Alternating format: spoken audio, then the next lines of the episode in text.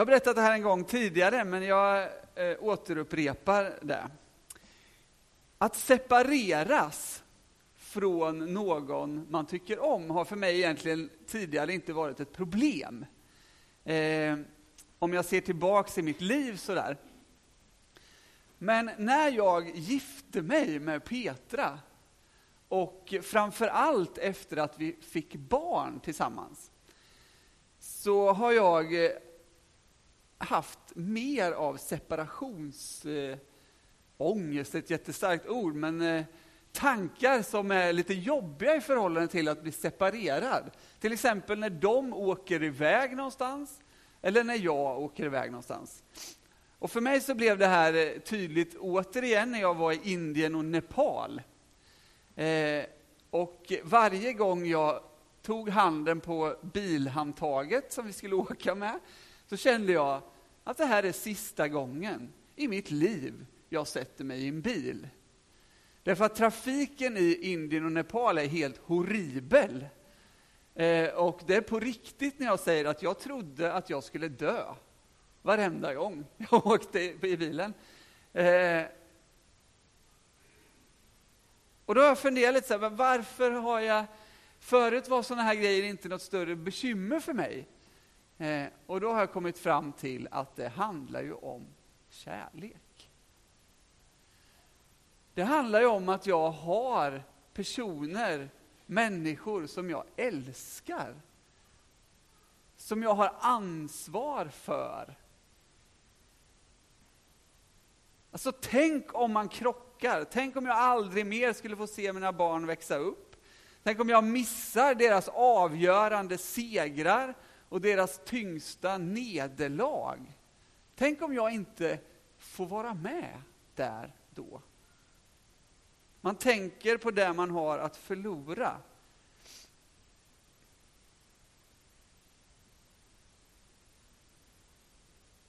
Och så vet jag att det finns människor som har förlorat. Människor som till och med i vår gemenskap som har förlorat barn. Och så när man pratar med dem så förstår man att även om de här situationerna har varit ofattbart tuffa, gränslös sorg, så kan de ändå säga att Gud har varit med. Att det finns hopp. En stark förvissning någonstans här inne i hjärtat. Som en frukt av den heliga Ande som säger att vi ska ses igen. Det är inte slut. Det är inte över.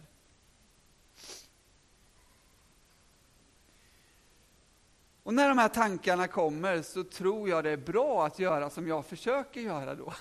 Att faktiskt fjärma mig ifrån dem till viss del och tänka att nej men jag måste ju vara tacksam för det jag har just nu. Den tid jag har nu med mina barn, med min fru, med mina vänner. Att ta vara på varje tillfälle tillsammans. Därför att om morgondagen vet vi ingenting. Nu är det ju så att alla människor, när vi minst anade och när vi minst väntade, drabbas av svårigheter. Därför att livet är skört som ett lökskal. Saker som kan förändra allt. Ett varsel på arbetsplatsen, ett sjukdomsbesked eller i allra värsta fall ett sorgebud. Ingen lever ett helt liv utan att vara beroende av att ställa sitt hopp till någonting mer, till någonting större än det som är mig själv och mina omständigheter. Alla människor behöver hopp. Därför att någon gång i livet så ställs allt det vi har trott på på sin spets och det prövas i eld. Och även om jag inte är drabbad i detta nu så behöver jag grundlägga mitt hopp. Bygga en grund som håller när vindarna piskar på, när vågorna slår över. Jag behöver bygga en grund som håller, ett hopp som är starkt. Hoppet behöver vara levande för mig. När min mamma dog, och jag tänker på den förlusten, så är ändå den liksom grundkänslan som jag bar med mig igenom det, var ändå hoppet och är fortfarande hoppet. Jag saknar henne. Jag ser att pappa tycker att det är jobbigt att inte ha min mamma nära. Men ändå så bär vårt hopp att det inte är slut. Vi vet väldigt lite om tillvaron från vår fysiska död till Jesu återkomst när alla döda ska stå upp. Men det jag vet är att hon idag har det bra. Och hon ska, när Jesus kommer tillbaka, få leva ett liv som är det bästa hon någonsin har levt. Och det ska jag också få göra. Och det ska du också få göra. Därför att det lovar Bibeln oss. Vi ska vara totalt inneslutna i Guds kärlek och omsorg. Och det här spiller också över in i vår verklighet här och nu. Mitt i vårt lidande och mitt i allt det som är vårt liv. Så spiller den här tryggheten, den här friden, det här hoppet över också här. Vi ska läsa ett bibelord och det här är hämtat ifrån när Jesus talar om, om livets bröd. Och det är från Johannes 6, vers 37-40. Alla som Fadern ger mig ska komma till mig, och den som kommer till mig ska jag inte visa bort. Ty jag har inte kommit ner från himlen för att göra vad jag själv vill, utan för att göra hans vilja som har sänt mig. Och detta är hans vilja som har sänt mig, att jag inte ska låta någon gå förlorad av dem som han har gett mig, utan låta dem uppstå på den sista dagen. Ty detta är min faders vilja, att alla som ser sonen och tror på honom skall ha evigt liv. Och jag ska låta dem uppstå på den sista dagen. Vår Gud, vårt hopp är temat för idag. Vår Gud, vårt hopp. Snacka om hoppingivande ord från Jesus själv. Den som kommer till mig skall jag inte visa bort. Du är alltid välkommen till Jesus. Det gäller utan undantag. Han visar aldrig bort någon enda människa. Alla får komma till honom jämt. 24 timmar om dygnet. Vi förtjänar inte en plats. Vi får en plats i hans famn. Vi kan rusa fram till konungarnas konung och herrarnas herre och kalla honom för pappa. Och Kristin, du får kalla honom för far, det går bra. pappa, det är vårt hopp. Att få rusa till honom, därför att han kommer aldrig att visa bort någon enda av oss. Jag ska inte låta någon av dem som han har gett mig gå förlorad. Jesus lovar att vi inte ska gå förlorade. Har du lämnat ditt liv i hans händer så är vi i trygga händer. Och så säger han att det här är Faderns vilja. Vår Gud uttalar det här hoppfulla budskapet och det är hans vilja för oss. Att vi ska vinna evigt liv genom det Jesus har gjort. Att vi ska uppstå. Den som tror på mig har evigt liv och jag ska låta dem uppstå på den yttersta dagen. Vi ska uppstå. Det här är alltså evangeliet. Det här är budskapet Det här är hoppets budskap.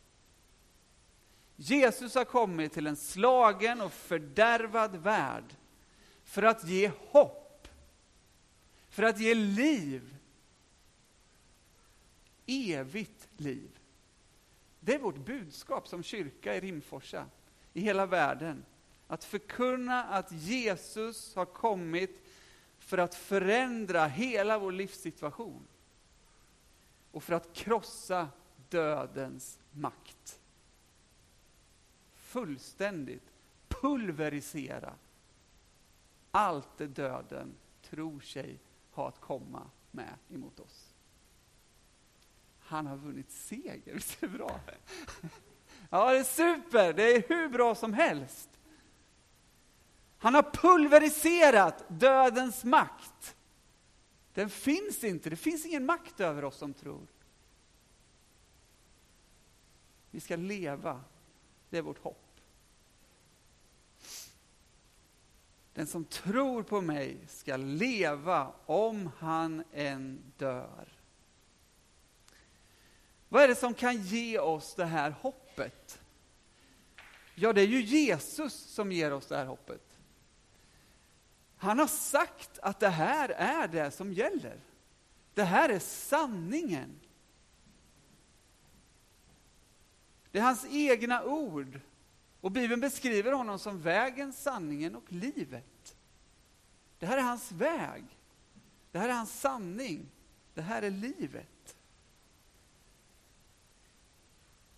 Och evighetshoppet blir ju ännu verkligare i perspektivet av att vi ser och upplever att han lever. Han är den första av de uppståndna. Han lever idag. Han verkar. Miljontals, ja miljarder människor har upplevt honom som levande. Man har aldrig hittat någon död kropp. Han lever. Han är uppstånden. Därför kan vi ha hopp.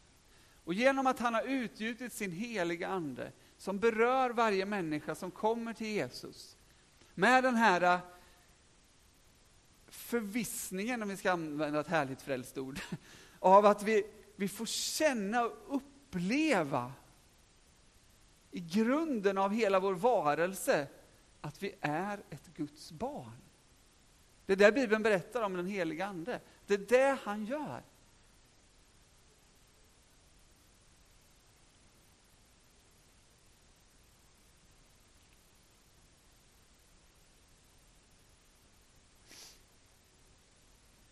Petrus skriver i sitt första brev. Välsignad är vår Herre Jesu Kristi Gud och Fader. I sin stora barmhärtighet har han fött oss på nytt till ett levande hopp genom Jesu Kristi uppståndelse från de döda till ett arv som inte kan förstöras, fläckas eller vissna och som väntar på er i himlen. I första Korinthierbrevet 15 och 19 så står det Gäller vårt hopp till Kristus bara detta livet, då är vi de mest ömkansvärda bland människor. Men nu har Kristus uppstått från de döda, som den första av de avlidna. Ty eftersom döden kom genom en människa kommer också uppståndelsen från de döda genom en människa. Liksom alla dör genom Adam så ska alla få nytt liv genom Kristus. Men i tur och ordning Först Kristus och därefter, vid hans ankomst, de som tillhör honom, du och jag. Det är Kristus som ger oss hopp. Det är han som har besegrat döden. Och det är därför Paulus i första Korinthierbrevet 15 kan säga, trotsigt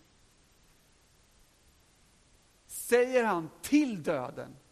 Han tilltalar döden själv och säger Död, var är din seger? Död, var är din? Det är rätt kaxigt. Du har ingen makt över de som tillhör mig. Ingen makt. För Jesus har besegrat döden på korset och genom sin uppståndelse. Hur tar vi emot hoppet? I dagens text så får vi svaret. Jesus säger nämligen den som kommer till mig skall jag inte visa bort. Det handlar om att komma till Jesus.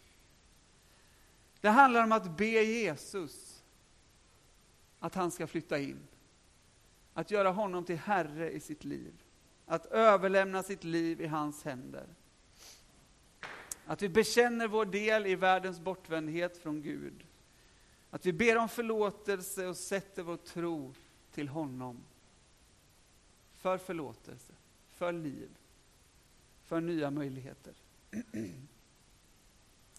Och när vi gör det så sker det här.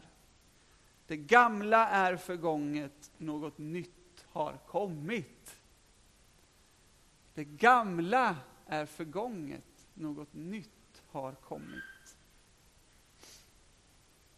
Han tar emot oss med öppna armar. Han ger oss livets gåva. Jag ska leda dig, jag ska vara med dig.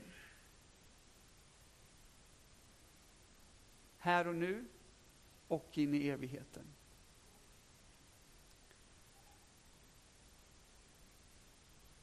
Den som kommer till mig ska jag inte visa bort.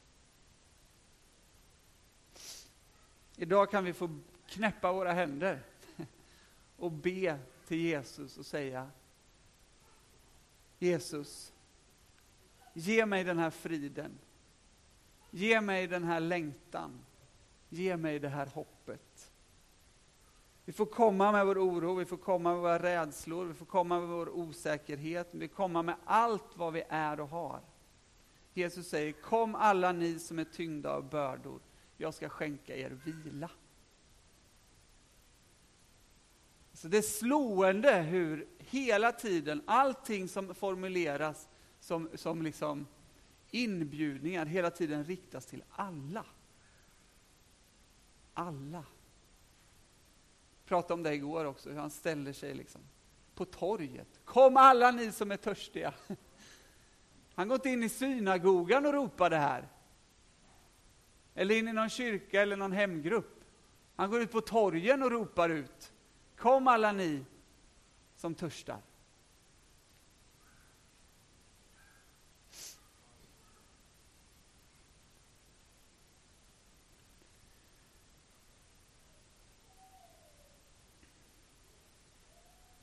Vi kan ta emot honom.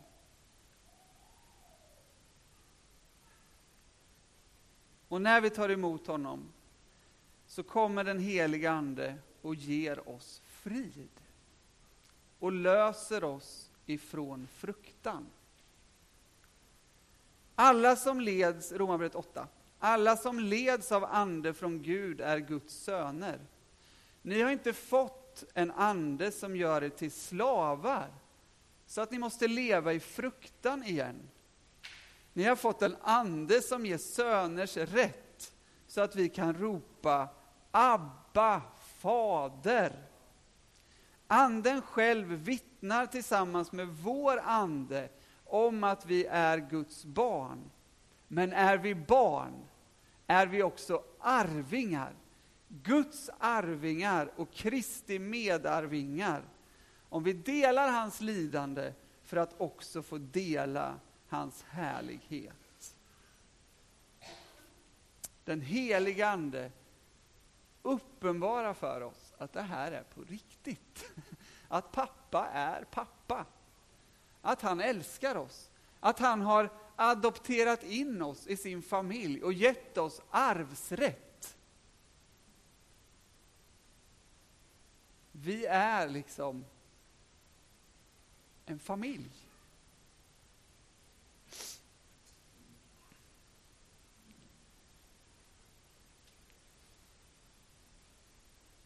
Ett fantastiskt budskap.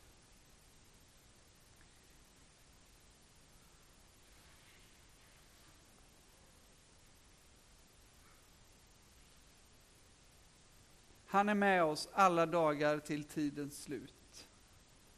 Kom till mig alla ni som är tyngda av börd och jag ska skänka er vila. Han är ljuset som lyser i mörkret. Vi får komma till Jesus och ta emot hopp. Ett hopp som bär igenom allt, allt. Också genom det allra förskräckligaste av sorger och prövningar.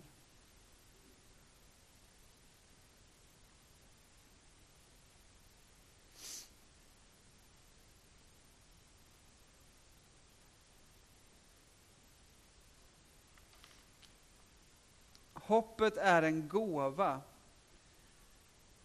som först och främst gäller det här livet. Vet ni varför? Därför att när vi har gått in i det eviga livet, då behöver vi inget hopp. Därför att då är allt fullbordat.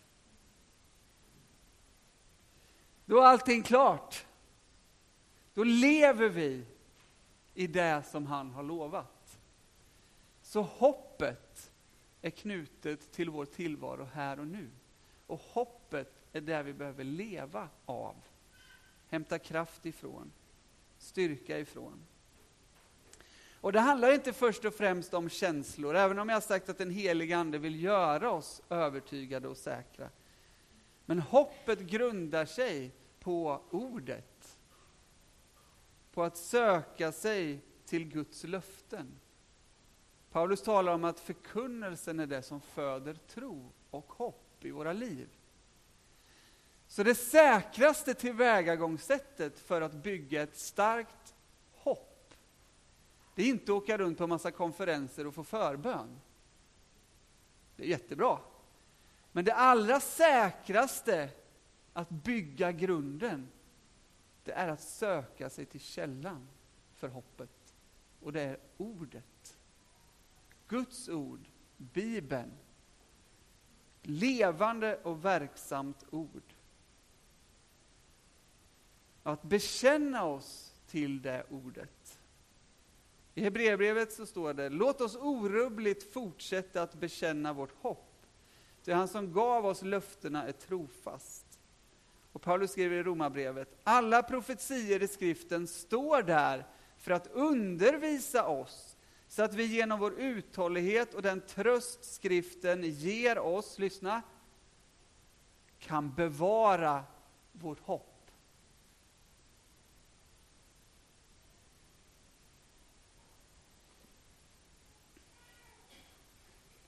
Den ser inte mycket ut för världen. Det är en rätt oansenlig bok. Den kan stå i en bokhylla år efter år. Eller som i vårat fall, ligga på nattduksbordet år efter år. Vi behöver öppna ordet och fylla oss med det som står här i. För det är där hoppet byggs. Det är där tron byggs. Därför att det är här i sanningen finns. Och sanningen ska sätta oss fria. Sen behöver vi känslor, vi behöver upplevelser, vi behöver gemenskap, vi behöver handpåläggning. Vi behöver nedslag i våra liv där vi kan säga, där var Gud, där upplevde jag det. Men grunden för vår tro är den här. Guds uppenbarelse.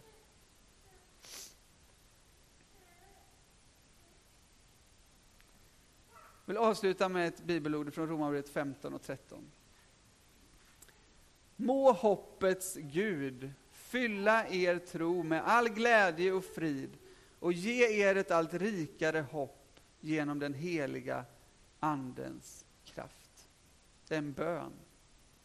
Må hoppets Gud fylla er tro med all glädje och frid och ge er ett allt rikare hopp genom den heliga Andes kraft. Herre, vi tackar dig för att du är hoppets Gud.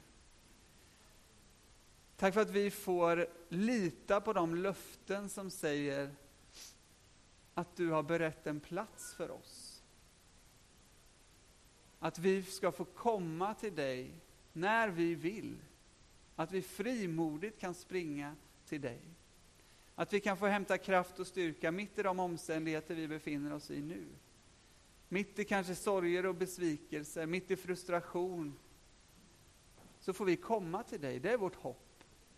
Men framför allt så är vårt hopp det att när vi dör så ska vi få leva för evigt tillsammans med dig. Att du har berett en plats för oss. En ny skapelse, en ny himmel, en ny jord. Att vi ska få en uppståndelsekropp precis likadan som du har.